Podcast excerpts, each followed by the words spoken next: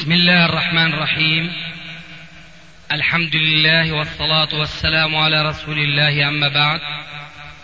فهذا أحد أشرطة سلسلة الهدى والنور من الدروس العلمية والفتاوى الشرعية لشيخنا المحدث العلامة محمد ناصر الدين الألباني حفظه الله ونفع به الجميع. قام بتسجيلها والتأليف بينها محمد بن أحمد أبو ليلى الأثري. وأنهم يفتنونهم بالأموال والطعام والشراب.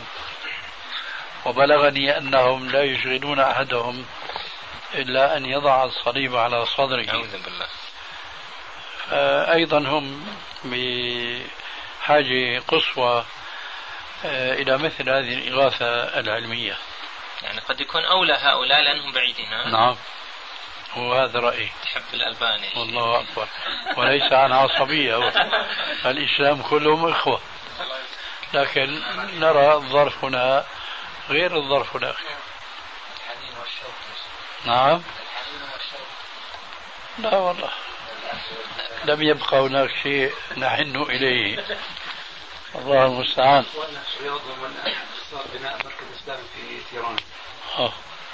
ما شاء الله. جميل. ما شاء الله. بناء مركز واعدوا العده يعني عندهم الإمكانيات. الله يكون معهم. هذه مؤسسة الحرمين تسعى إلى أن يكون لها جهود في الدعوة إلى الله عز وجل تصل بها إلى ألبانيا إن شاء الله. وعلمنا من الأخ أنها يعني ما شاء الله هم فقراء غالبيتهم يا شيخ. نعم. والإسلام فيه صفوة قوية هناك. وكثير منهم عفوا يعمل في يوغوسلافيا من الألبان نعم. فمن الممكن يعني أن يستفاد من منهم هناك في الدخول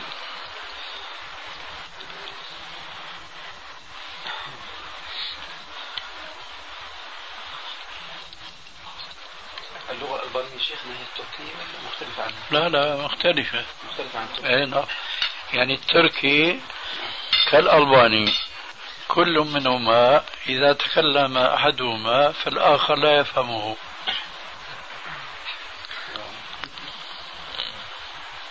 أي نعم. يعني لغة مستقلة. والبوسنة كذلك. والبوسنة كذلك.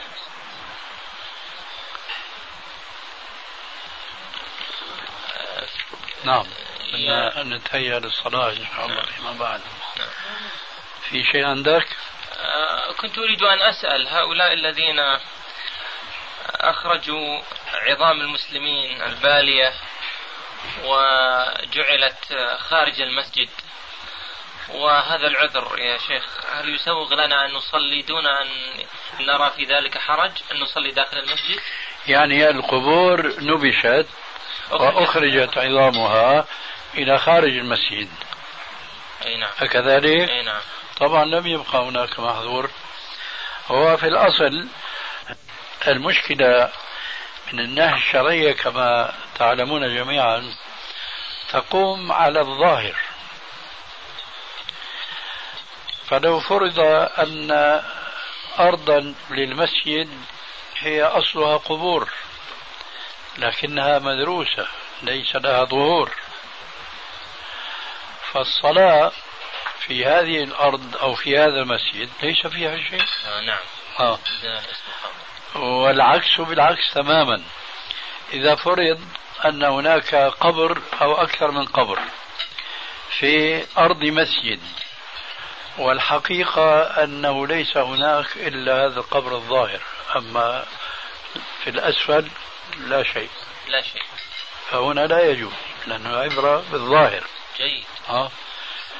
فإذا كان درست القبور من المسجد وبخاصة إذا نبشت إذا كانت هناك لا يزال يوجد عظام كما تقول فدفنت في مكان آخر فالمحظور زال بلا شك. الحمد لله. لأن العبرة دائما بالظاهر. نعم.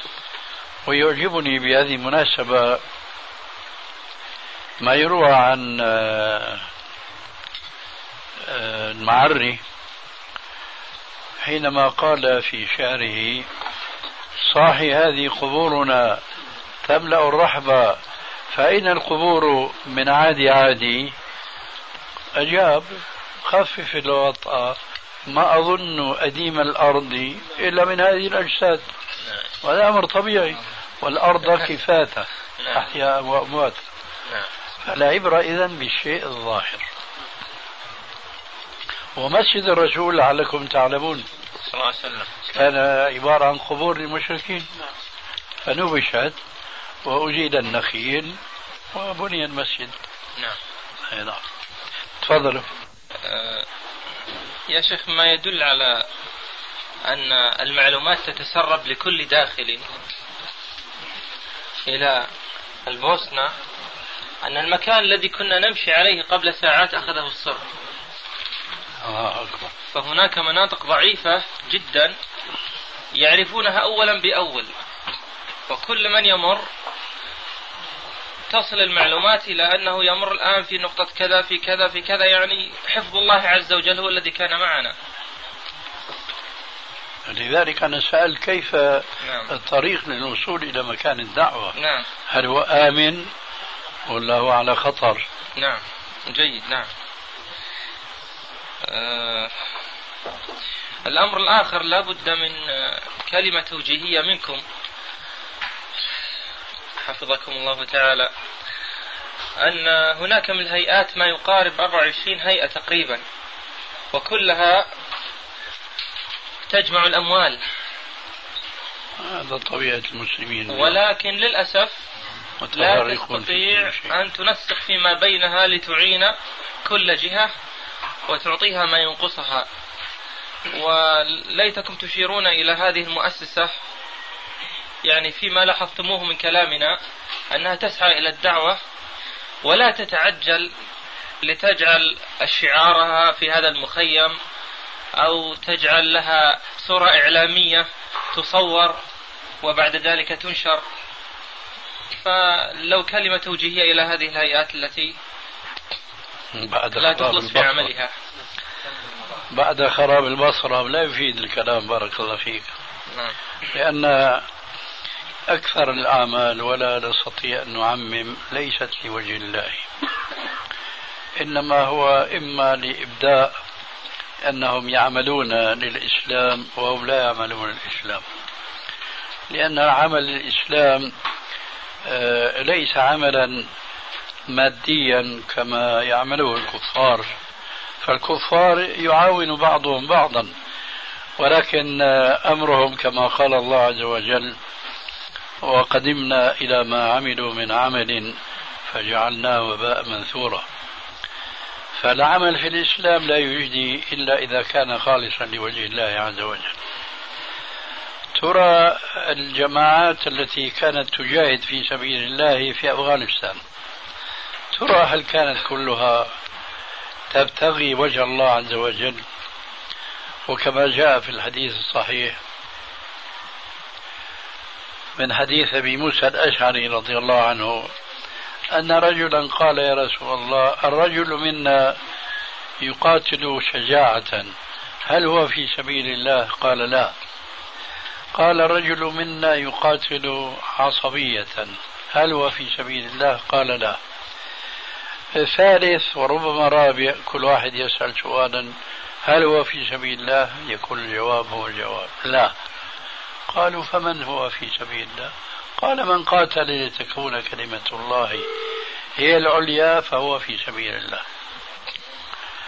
كذلك المبرات والإعانات هذه تساق نفس المساء من كان منهم ينفق في سبيل الله فهو المفلح وإلا فهو الخاسر. فلا غرابة أن النبي صلى الله عليه وسلم قرن مع المجاهدين في سبيل الله آه، قسمين آخرين. أحدهما العلماء والآخر هم الأغنياء. فقال عليه الصلاة والسلام في الحديث الصحيح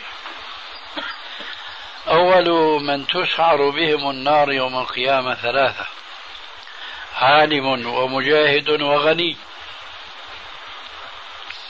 يؤتى بالعالم يوم القيامة فيقال له أي عبدي ماذا عملت بما علمت؟ فيقول يا ربي نشرته في سبيلك. فيقال له كذا. إنما علمت ليقول الناس فلان عالم وقد قيل خذوا به إلى النار. ثم يؤتى بالمجاهد فيقال له ماذا عملت فيما أعطيتك من قوة فيقول يا ربي قاتلت في سبيلك. فيقال له أيضا كذبت. إنما قاتلت ليقول الناس فلان شجاع وقد قيل خذوا به إلى النار.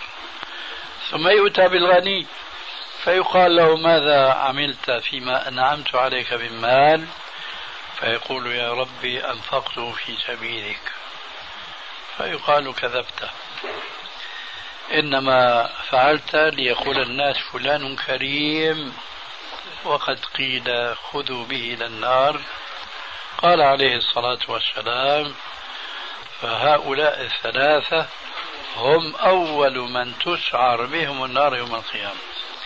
لذلك هذه الهيئات الله أعلم بمن كان منها نيتها لوجه الله عز وجل. ولذلك لا تعطي ثمارها لأنها ليست خالصة لوجه ربها تبارك وتعالى. ولكن نكاد نقع في اليأس من تذكير هؤلاء ووعظهم آه، لأنهم ربوا على هذا ونشئوا على هذا. فلم يبقى هناك فائدة من تذكيرهم لأن الأمر يحتاج إلى تربية الشباب المسلم منذ نعومة أظفارهم على أن يكون عملهم كله لله عز وجل سواء كان علما أو كان جهادا أو كان إنفاقا أو أي شيء من الأمور التي تتعلق بالمجتمع الإسلامي. فنسأل الله عز وجل أن يهدي أمتنا إلى الرجوع إلى أحكام دينها آه، فقها وعملا. يا أيها الذين آمنوا لم تقولون ما لا تفعلون؟ كبر مقتا عند الله أن تقولوا ما لا تفعلون. والله المستعان. نعم. سؤال. بعض الهيئات ترى أنه لا بد من تصوير في الفيديو لهذه المخيمات لاستعطاف الناس و بذلك يأتي المال وبذلك إلى غير ذلك. أين المكتوب من عنوانه. نعم. الله أكبر. نعم. شو استفادوا الأفغانيون من الصور التي كانوا ينشرونها للمجاهدين؟ ذهب كل ذلك أدراج الرياح. نعم. تفضل. ما هو موقف أهل الخير من أصحاب الأموال؟ ما الذي يجب عليهم أن يفعلونه؟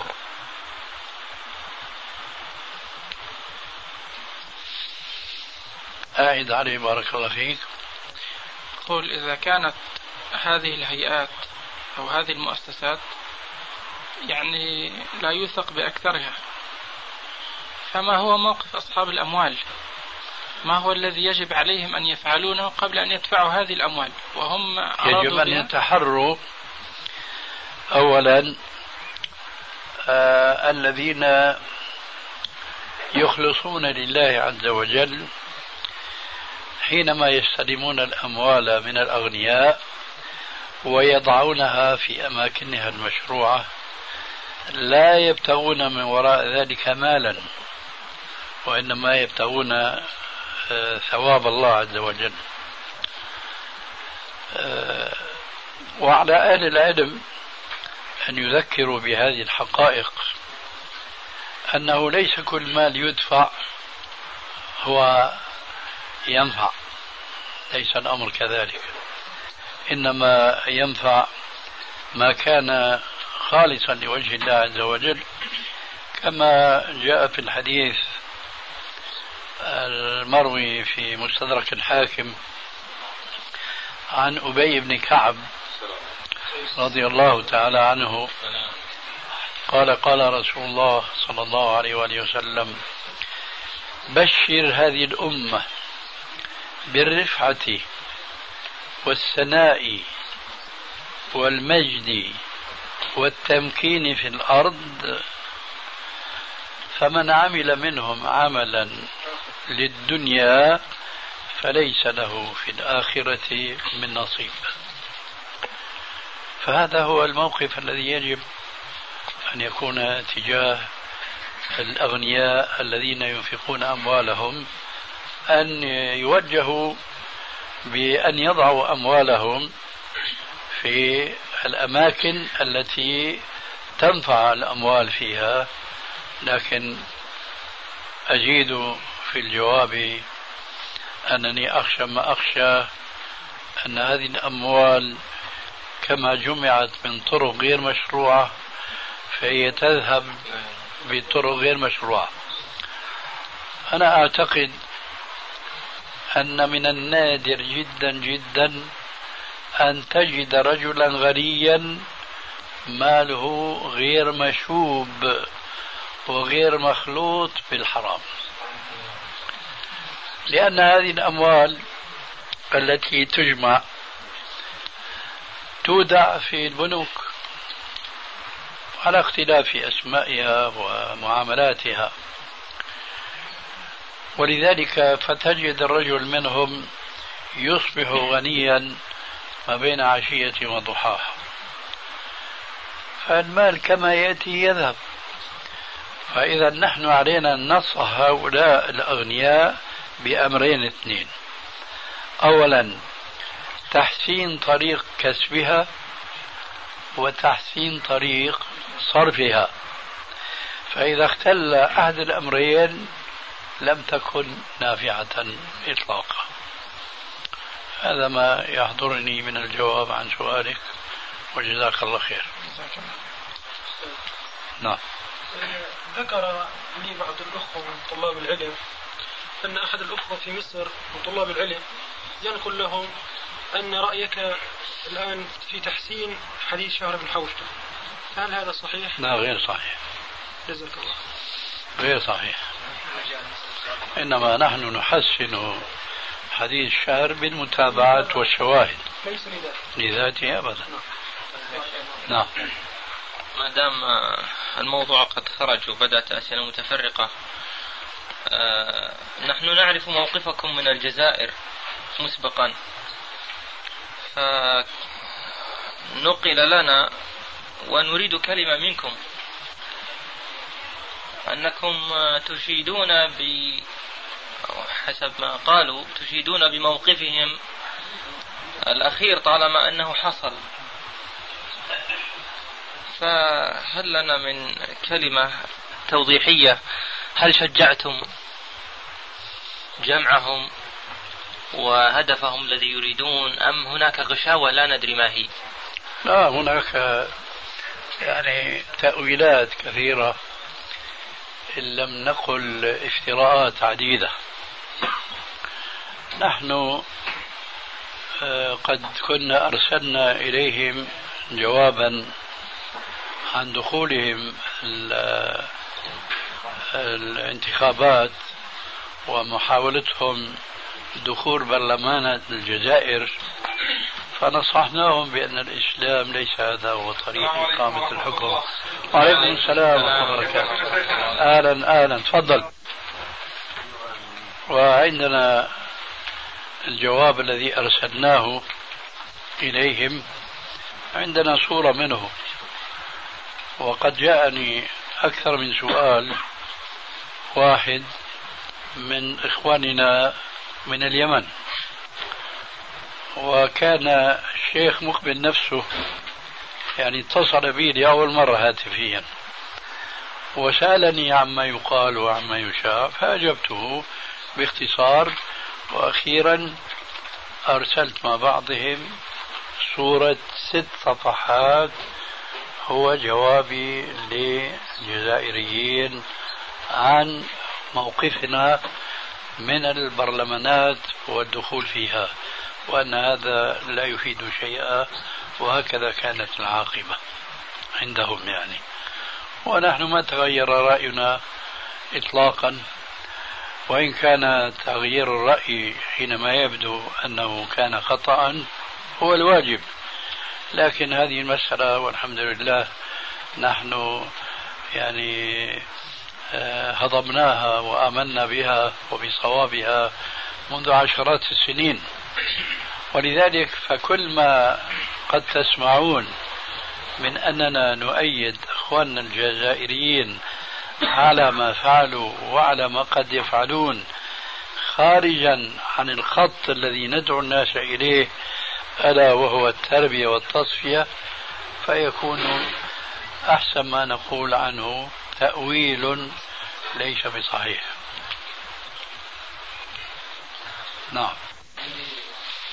سؤالان نعم. السؤال الأول وهو ما حكم الذين يعملون في فلسطين في الأراضي اليهودية من بناء المستعمرات التي اغتصب الأراضي التي اغتصبها اليهود في بناء المستعمرات من الفلسطينيين بحجة أنهم أولا الاستضعاف ثاني شيء أنهم مضيق عليهم من حيث آه، العمل ومن حيث دخول المال إليهم. هذا السؤال الأول. والسؤال الثاني حكم من استولى من المسلمين من الأقارب على أراضي إخوانهم الذين خرجوا من فلسطين؟ إذا كان الاستيلاء نبدأ بالجواب عن السؤال الثاني. إذا كان الاستيلاء مؤقتا حتى لا يستولي العدو عليه وبشرط إعادته حينما تعود المياه إلى مجاريها فهذا من باب دفع الشر الأكبر بالشر الأصغر فيجوز. أما الجواب عن السؤال الأول فلا يجوز التعاون مع الكفار المستعمرين فيما هو إعانة لهم على استعمارهم وعلى التمكين لهم في أرض المسلمين. واضح الجواب. واضح شيخنا لكن هم كما أسلفت لك أنهم يحتجون بقصة أنه مضيق عليهم. أولا. حجة واهية ألم تكن أرض الله واسعة فتهاجروا فيها؟ الغاية لا تبرر الوسيلة طيب شيخنا إذا كان استيلاءهم استيلاء أبدي. فهمت الجواب. الاستيلاء الأبدي ما كنا لنقيد كلامنا لو كنا نريد أن نقول أن الاستيلاء الأبدي جائز كنا بنقول كلمة يجوز انتهى الأمر. لكننا وضعنا شرطا ومفهوم الشرط يجب مراعاته. إن جاءك زيد فأكرمه. نعم. لكن إذا ما جاءك فلست مكلفا بأن تكرمه. هذا هو الشرط. فيجب مراعاة الشروط. نعم. شيخنا في من الصحابة أناس يعني يحاسبوا ويعذبوا ثم تكون يهدون الجنة في منهم الدرجات هذه؟ ماذا يهمك من هذا السؤال؟ والله هو السؤال خطر في بالي. إنه الصحابه ما ما ما أظن خطر في بالك. كيف يعني؟ هذه وسوسة من بعض الجهات. لا إحنا إحنا عارفين طبعا شيخنا بس إحنا بنقول يعني إنهم درجاتهم في من فمنهم من اصل يعني من شو فعل الكبائر شو بهمك؟ له علاقة هي بعقيدتك شيء مشان تصحح اسأل عما يهمك يا أخي لأنه هذا باب يدخل منه الشيطان. الحمد لله رب العالمين. عندنا بني تم توسيع مسجد كما تحدثتم عن المقابر. هذا المسجد تم توسيعه على أرض مقبرة تم إزالة العظام من قلب المقبرة ورفع المقابر وبناء المسجد عليها. فهل يصح الصلاة في هذا المسجد أم لا؟ هذا سبق الجواب ما كنت معنا. أردت يعني أردت تفصيل يعني أحسس أن بعض العلماء قال لا يجوز الصلاة في هذا المسجد بحيث أنه تمت انتهاكات رفع لقد أجبنا عن هذا السؤال بعينه. ولعلك ستذكره إن شاء الله حينما أتينا ببيت المعري. صاحي هذه قبورنا تملأ الرحبة فأين القبور من عادي عادي خفف الأرض. ما أظن إيش؟ خفف الوطأ. ما أظن أديم الأرض إلا من هذه الأجساد. ما سمعت هذا الشعر؟ سمعته؟ هذا كانت مناسبة. جواب لسؤال أخنا أبو بلال طرحه وهو أن هناك مسجد كان في ساحته مقابر فنبشت ودفنت خارج المسجد فهل تصح الصلاة في هذا المسجد؟ الجواب نعم لأننا قلنا أن الشارع الحكيم أولا ينظر للظاهر وضربنا مثلا أنه لو كان هناك قبر ظاهر لكن في الداخل لا شيء إطلاقا.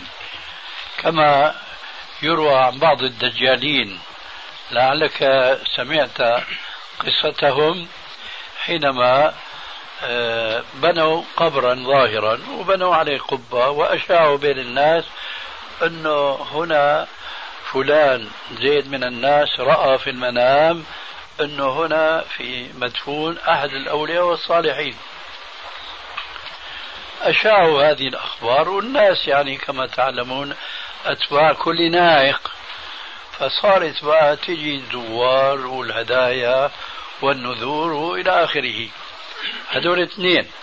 ذات يوم اختلفوا بعضهم مع بعض فوصل بهم الاختلاف إلى أن أحدهم قال لصاحبه يعني معنى القصة أنه بتحلف بالشيخ بيقول له علي يا أمان ما في لا شيخ ولا فريخ فنحن اتخذنا هذا من أجل إيه؟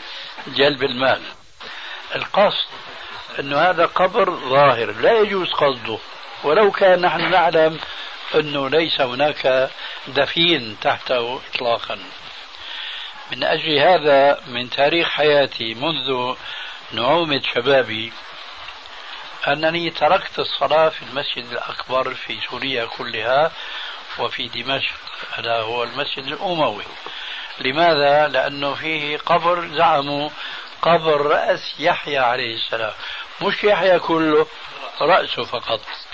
وهناك أبها وقبة وذهب مطلي وإلى آخره. والناس يتقصدونه للتبرك والدعاء وإلى آخره. فأنا تركت الصلاة في هذا المسجد عشرة سنين. وأنا أول الناس إيمانا أنه ليس هناك قبر لكن هناك مظهر قبر.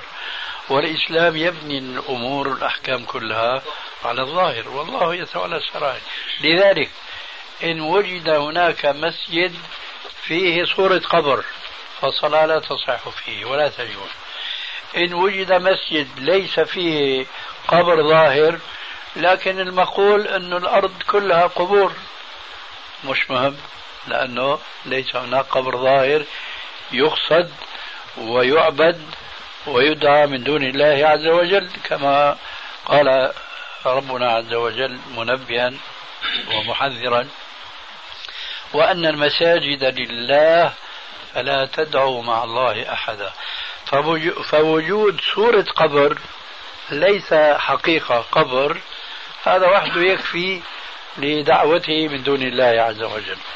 وعدم وجود صورة قبر ولو كانت الأرض كلها آه، مغذاية برميم الموتى وبدمائهم وإلى آخره فذلك لا يضر. لكن إن كان هناك أرض كان في عليها قبور ظاهرة ثم أريد بناء المسجد عليها لسبب أو آخر. فنبشت وظهر فيها عظام فأخرجت ثم سويت فالصلاة فيه صحيحة هذا ما كنت ذكرت خلاصته جوابا لسؤال الأخ أبي بلال الذي هو كأنك ناديت منه ووجهته مرة أخرى. لعله وضح لك الجواب؟ طيب.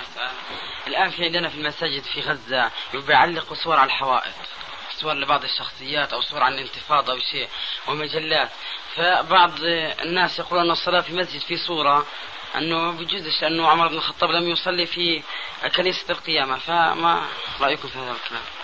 نعم هكذا يفعل من ابتلينا وابتليتم بهم ممن يسمون بالإخوان المسلمين لأنهم لا يفهمون من. الآن في عندنا في المساجد في غزة يعلقوا صور على الحوائط صور لبعض الشخصيات أو صور عن الانتفاضة أو شيء ومجلات فبعض الناس يقولون أن الصلاة في مسجد في صورة أنه بجوزش لأنه عمر بن الخطاب لم يصلي في كنيسة القيامة فما رأيكم في هذا الكلام؟ نعم هكذا يفعل من ابتلينا وابتليتم بهم ممن يسمون بالإخوان المسلمين. لأنهم لا يفهمون من إسلامهم إلا أيضا مظاهر وهتافات لا غذاء فيها. آه، أما أن الصلاة في المسجد الذي فيه صورة لا تصح فهذا يحتاج إلى دليل شرعي حتى نخضع عقولنا وعقيدتنا له وهذا لا وجود له.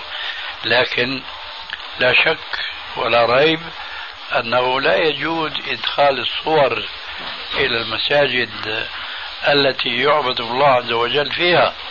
لكن كل ما في الأمر أننا لا نستطيع أن نقول الصلاة في هذا المسجد لا تصح كالصلاة في المسجد الذي فيه قبر أو قبور.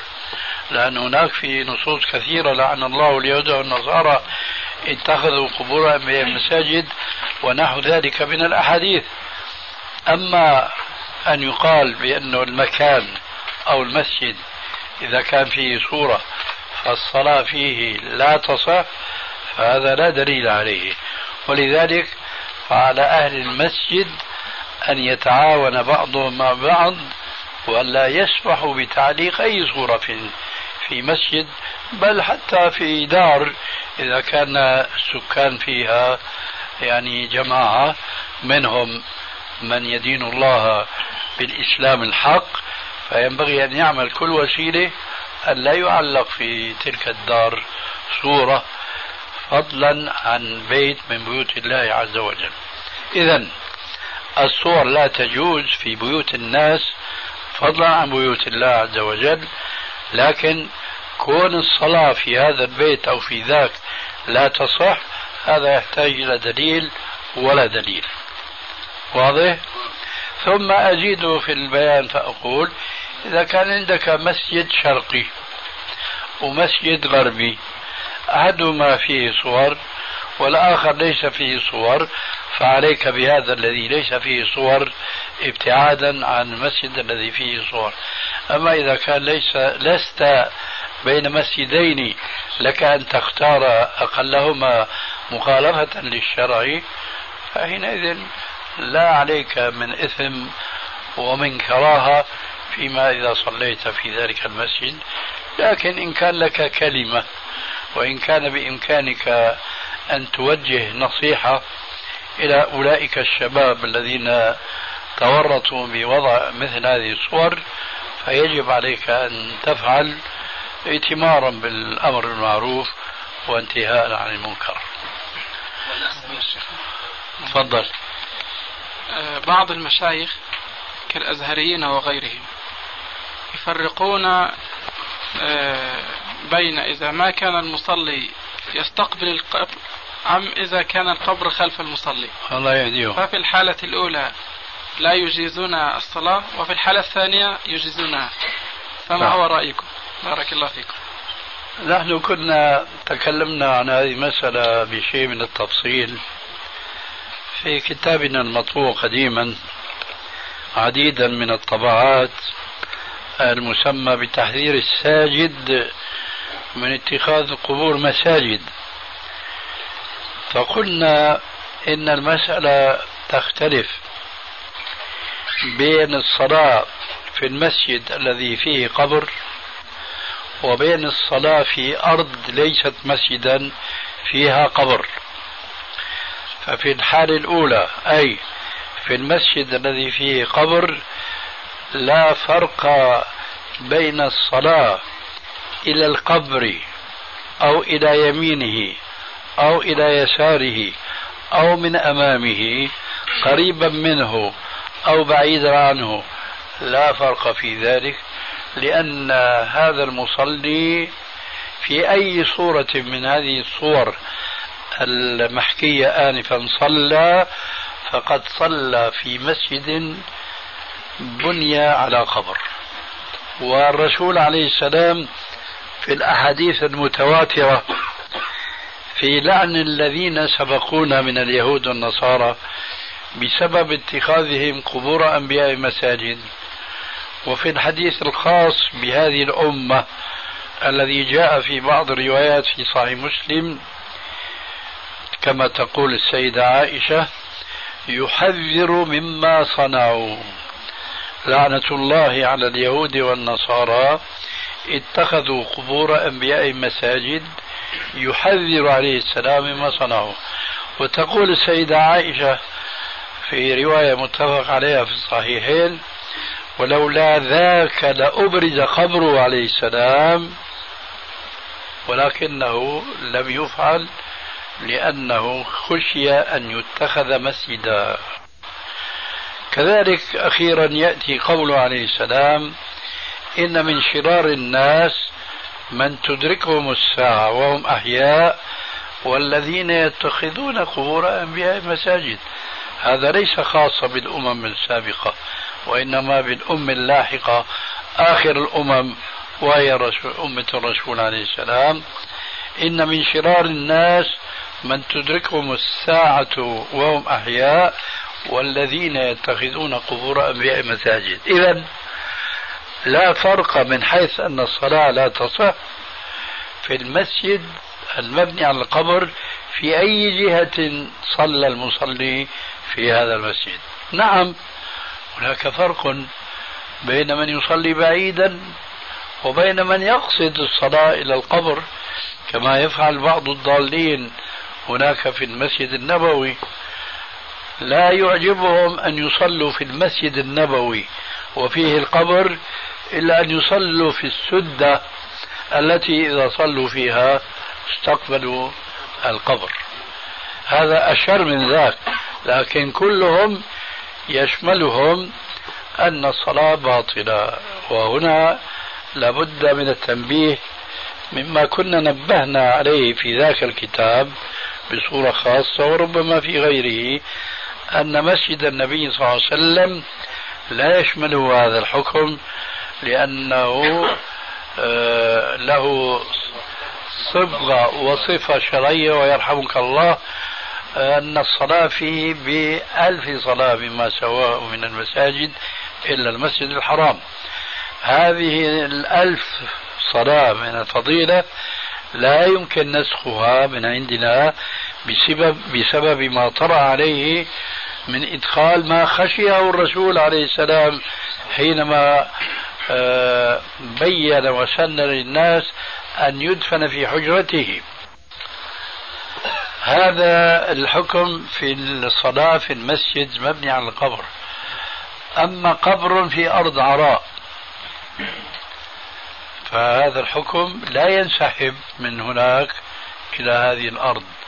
وإنما من صلى هنا إلى القبر فهذا هو المحظور وهذا هو المنع عنه في قوله عليه السلام لا تجلسوا على القبور ولا تصلوا إليها. هذا حكم خاص في قبر في أرض في العراء. أما القبر في المسجد فكما يقول شيخ الإسلام ابن تيمية رحمه الله هذا المكان الذي بني وفيه قبر صار مقبرة ولو بقبر واحد. بعض الحنابلة كما يذكر هو اشترط أن تكون القبور في ذلك المكان ثلاثة حتى يصبح ذلك المكان مقبرة. قال ابن تيمية لا هذا هذا العدد لا أصل له لا لغة ولا شرعا. مجرد أن يدفن رجل أو شخص أو ميت واحد في هذه الأرض صارت الأرض مقبرتان. فإذا كان المسجد فيه قبر واحد لا تجوز الصلاة فيه.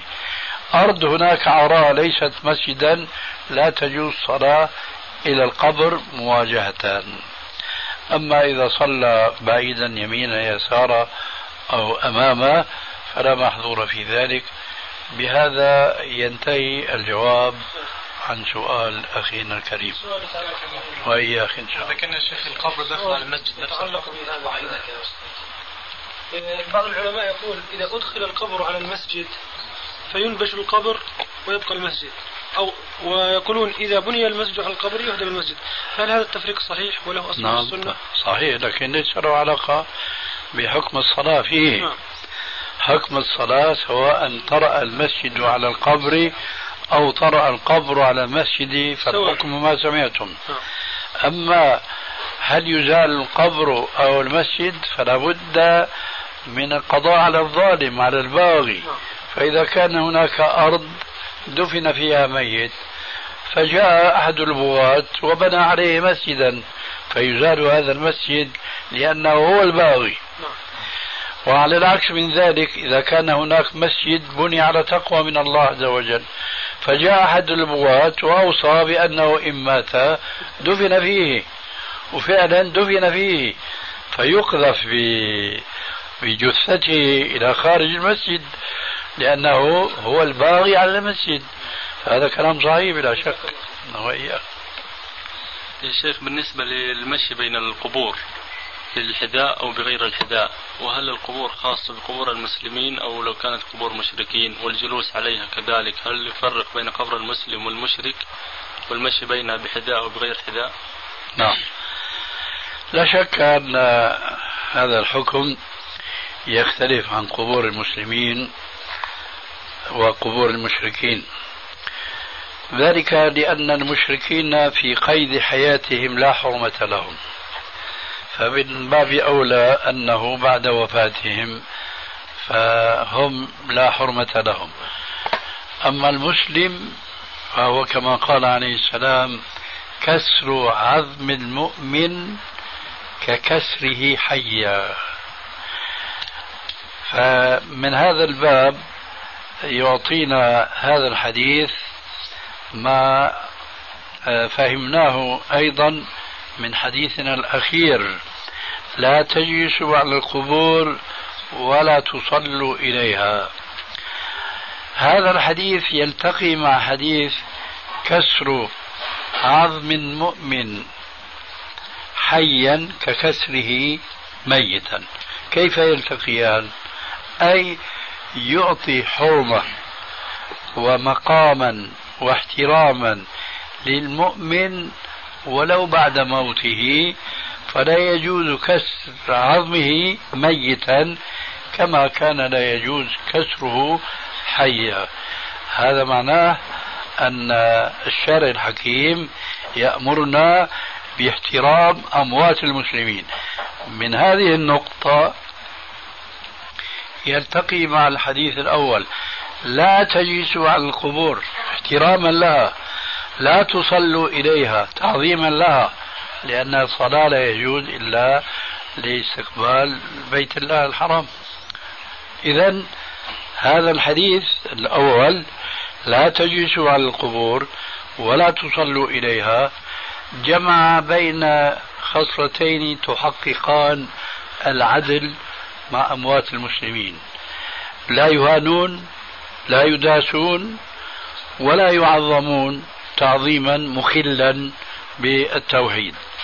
كذلك قوله عليه السلام كسر عظم المؤمن الميت ككسره حيا إذا كان الأمر كذلك ترتب منه أدب آخر يلتقي مع قوله لا تجلسوا على القبور أي لا تدوسوا القبور. لا تدوسوا القبور بنعالكم فإن كان ولا بد وهذا واقعيا لابد من السير بين القبور في بعض الأحيان. وعلى الأقل دفن ميت فحينئذ يأتي قوله عليه السلام الثابت في السنن والمسند يا صاحب السبتيتين اخلعن عليك. فإذا الأمر بخلع النعال في هذا الحديث هو من باب لا تجلسوا على القبور أي احتراما وتأدبا مع هؤلاء المسلمين. أما الكفار فلا حرمة ولا ذمة لهم خاصة بعد وفاتهم. وبعد أن آلوا إلى حفرة من حفر النار. لعلي أجبتك. يا شيخ هذا بين القبور. كذلك يخلع حذاءه. هو بين المقابر. هو هو هو بين القبور. ليس, ليس يدعس على المقابر. هو بين القبور بارك الله فيك. لأن الحديث جاء في ماذا؟ هو كان يدوس على القبور هو يمشي بين القبور. يمشي مشيا عاديا بين القبور. فناداه عليه السلام وقال له يا صاحب السبتيتين اخلعنا عليك. الدعس على القبر شيء والسير بين المقابر شيء من حيث الواقع لكنهما شيء واحد من حيث الحكم الشرعي. فكما أنه لا يجوز القعود على القبر مباشرة كذلك لا يجوز أن تمشي بين المقابر إلا لما قلنا آنفا أنك بحاجة إلى أن تدفن ميتا مثلا في مكان ما. حينئذ آه لابد أن تخلعنا عليك في صورة أخرى أتصورها يمكن اليوم تنظيمها أما من قبل ما كانوا يفكرون في مثل هذا إطلاقا. وهو جعل ممر بين أقسام من المقبرة هذه يمشي الناس فيها لكن في النهاية لابد من الدخول بين القبور إلا أن هذا التنظيم يخفف المخالفة. فهذا ما في مانع. الآن مثلا في في المقبرة اللي بيسموها المقبرة الإسلامية في سحاب مو هيك بيسموها؟ وأنا ما أحب أن تسمى مقبرة إسلامية. مثل ما بيقولوا شو بيقولوا؟ الجامعة الإسلامية. وحتى بيكون في إضافة قبل منها. جامعة الملك فلان الإسلامية. يا جماعة لماذا هذه الوصفات اللي تسمى بصفة كاشفة؟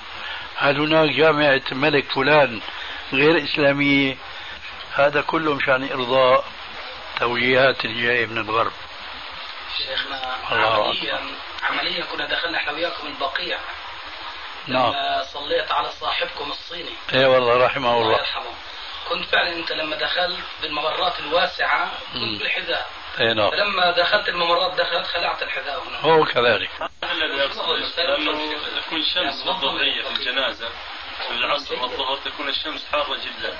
فغالبا يمشي بحديانهم وفي المغرب والعشاء قد يخلعون. بارك الله فيك. دائما أنا أذكر إخواننا طلاب العلم دائما المسائل تعالج بدون تطريق احتمالات ترد. بدون تطريق. واضح جدا. هل يجوز أكل الميتة؟ الجواب لا. إيه لكن راح يموت فلان. يا أخي لما اضطررت مفهوم هذه فهكذا المسائل دائما العارضة. يجب أن ينظر إليها النظرة العادية الشمولية. يجوز أو لا يجوز؟ الجواب لا يجوز.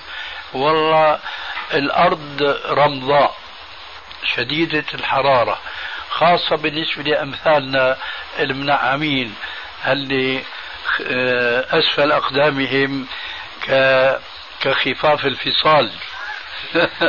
الذي جاء ذكره في حديث الرسول عليه السلام صلاة الأوابين حين ترمض الفصال. ماذا يفعل الفصيل؟ لأنه خفه ناعم. ما صار كخف أمه وأبيه نعل نعل. ما بي ما بيشعر بالحرارة إطلاقا. فهو بكونه أولا فصيل. وكونه حيوان ابن حيوان. يبدو له أن آه، ينتقل من مربضه آه، أن ينطلق. وإذا به يقفز. لأنه يشعر بالرمضاء من أسفله فيعود إلى مربضه. فالقصد أن الإنسان إذا عرضت له مثل هذه الصورة حينئذ الضرورات تبيع المعذورات طيب غيره؟ بدنا بدنا نصلي يا أخواننا. نقول شيخ المقبرة الإسلامية ما نريد نسميها شو لأنه لماذا التمييز يا أخي؟ نحن في أرض إسلامية. ونحن بلدنا كله إسلامي. فوضع هذه الصفات تشعر الإنسان بأنه في هناك من يبارينا ومن يعادينا.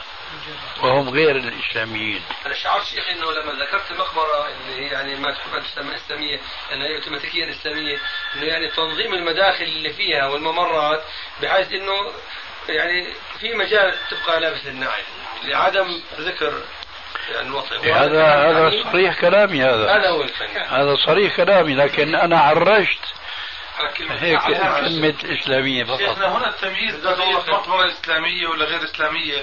في الحقيقة هذا إحنا في الزرقاء يلزمنا لأنه الآن ممكن. الآن شيخنا المقابر آه، عاملينها بسفح كبير سفح جبل إلها مدخل مكتوب المقابر الجديدة. ثم في الداخل أول ما تدخل على الشمال المقابر المسيحية. بعدها ب 100 متر المقابر الإسلامية. إيه هذا هذا من سوء التخطيط طبعا. هذا هو. هذا يعني لكم نص في هذا. الرسول مر بمقابر المسلمين فقال لقد أدرك هؤلاء خيرا كثيرا. ومر بمقابر المشركين فقال عنهم لقد فاتهم خير كثير أو كما قال عليه السلام. لكن لكن هي نحلة ولا إيش؟ ما تخرس حدا. ها؟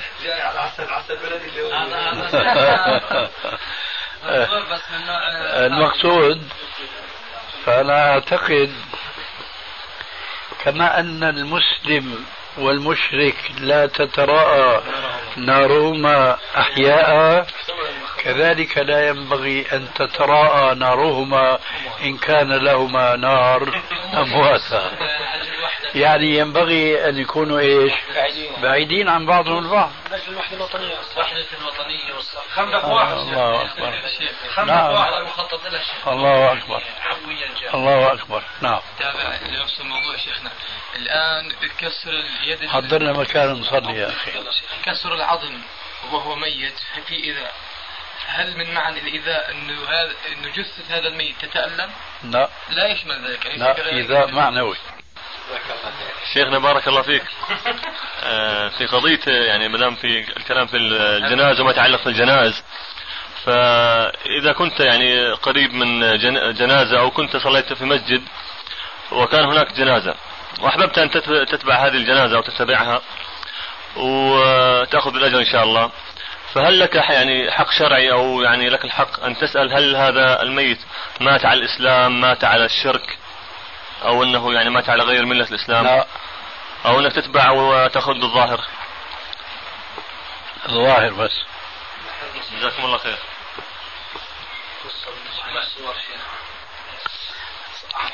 لكن السؤال أو الجواب على السؤال تتمة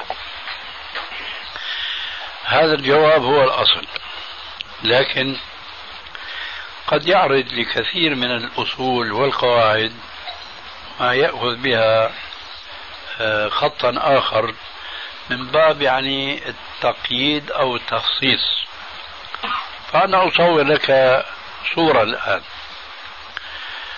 زيد من الناس آه، رأى جنازة خرجت من المسجد أو دخلت إلى المسجد فهو يريد أن يصلي عليها أو أن يشيعها. هو عنده شيء من المعرفة عن هذا الميت سابقا. والمعرفة التي لا يعرف التي يعرفها عنه آه، قد تحول بينه وبين الصلاة عليه. فهنا في مثل هذه الصورة قد يكون له الحق أن يسأل من يظن أنه من العارفين بهذا الميت؟ هل مثلا حسن حاله هل تاب هل آب هل رجع إلى آخره؟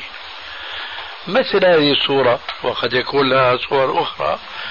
ممكن أن يقال يسأل أما القاعدة فلا يسأل لأن الأحكام تمشي على الظاهر كما ذكرنا أكثر من مرة. واضح هذا؟ وفيكم بارك. شيخنا لفتة حول قول إيوه فش الأكل أنت. آه لفتة حلوة كانت ويا ريت ان هذا حول أغثنا بالماء. آه. نريد بعض الشيء يعني حول هذا كيف فاستغاثه الذي هو من شيعته على الذي هو من عدوه؟ فوكزه موسى فقضى عليه. فالاستغاثة التي نحن ندعو الناس إلى تحريمها وعدم الوقوع في أمثالها إنما هي أولا استغاثة الحي بالميت أو استغاثة الحي بالحي فيما لا يقدر عليه إلا الله الحي. واضح؟ فالشيخ الآن جزاك الله خير. يلا. أعوذ بالله السميع العليم من الشيطان الرجيم من همزه ونفخه ونفخه. بسم الله الرحمن الرحيم. نون والقلم وما يسطرون. ما أنت بنعمة ربك بمجنون. وإن لك لأجرا غير ممنون وإنك لعلى خلق عظيم فستبصر ويبصرون بأيكم المفتون إن ربك هو أعلم بمن ضل عن سبيله وهو أعلم بالمهتدين. فلا تطع المكذبين. ودوا لو تدهن فيدهنون. ولا تطع كل حلاف مهين. هماز مشاء بنميم مناع للخير معتد أثيم عتل بعد ذلك زنيم أن كان ذا مال وبنين إذا تتلى عليه آياتنا قال قال أساطير الأولين. سنسمه على الخرطوم. إنا بلوناهم كما بلونا أصحاب الجنة. إذ أقسموا ليصرمنا مصبحين ولا يستثنون فطاف عليها طائف من ربك وهم نائمون فأصبحت كالصريم فتنادوا مصبحين أن اغدوا على حرثكم إن كنتم صارمين. فانطلقوا وهم يتخافتون.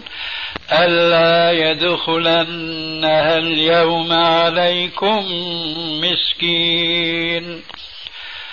وغدوا على حرد قادرين. فلما رأوها قالوا إنا لضالون بل نحن محرومون. قال أوسطهم ألم أقل لكم لولا تسبحون؟ قالوا سبحان ربنا إنا كنا ظالمين. فأقبل بعضهم على بعض يتلاومون. قالوا يا ويلنا إنا كنا طاغين. عسى ربنا أن يبدلنا خيرا منها. إنا إلى ربنا راغبون كذلك العذاب ولعذاب الآخرة أكبر لو كانوا يعلمون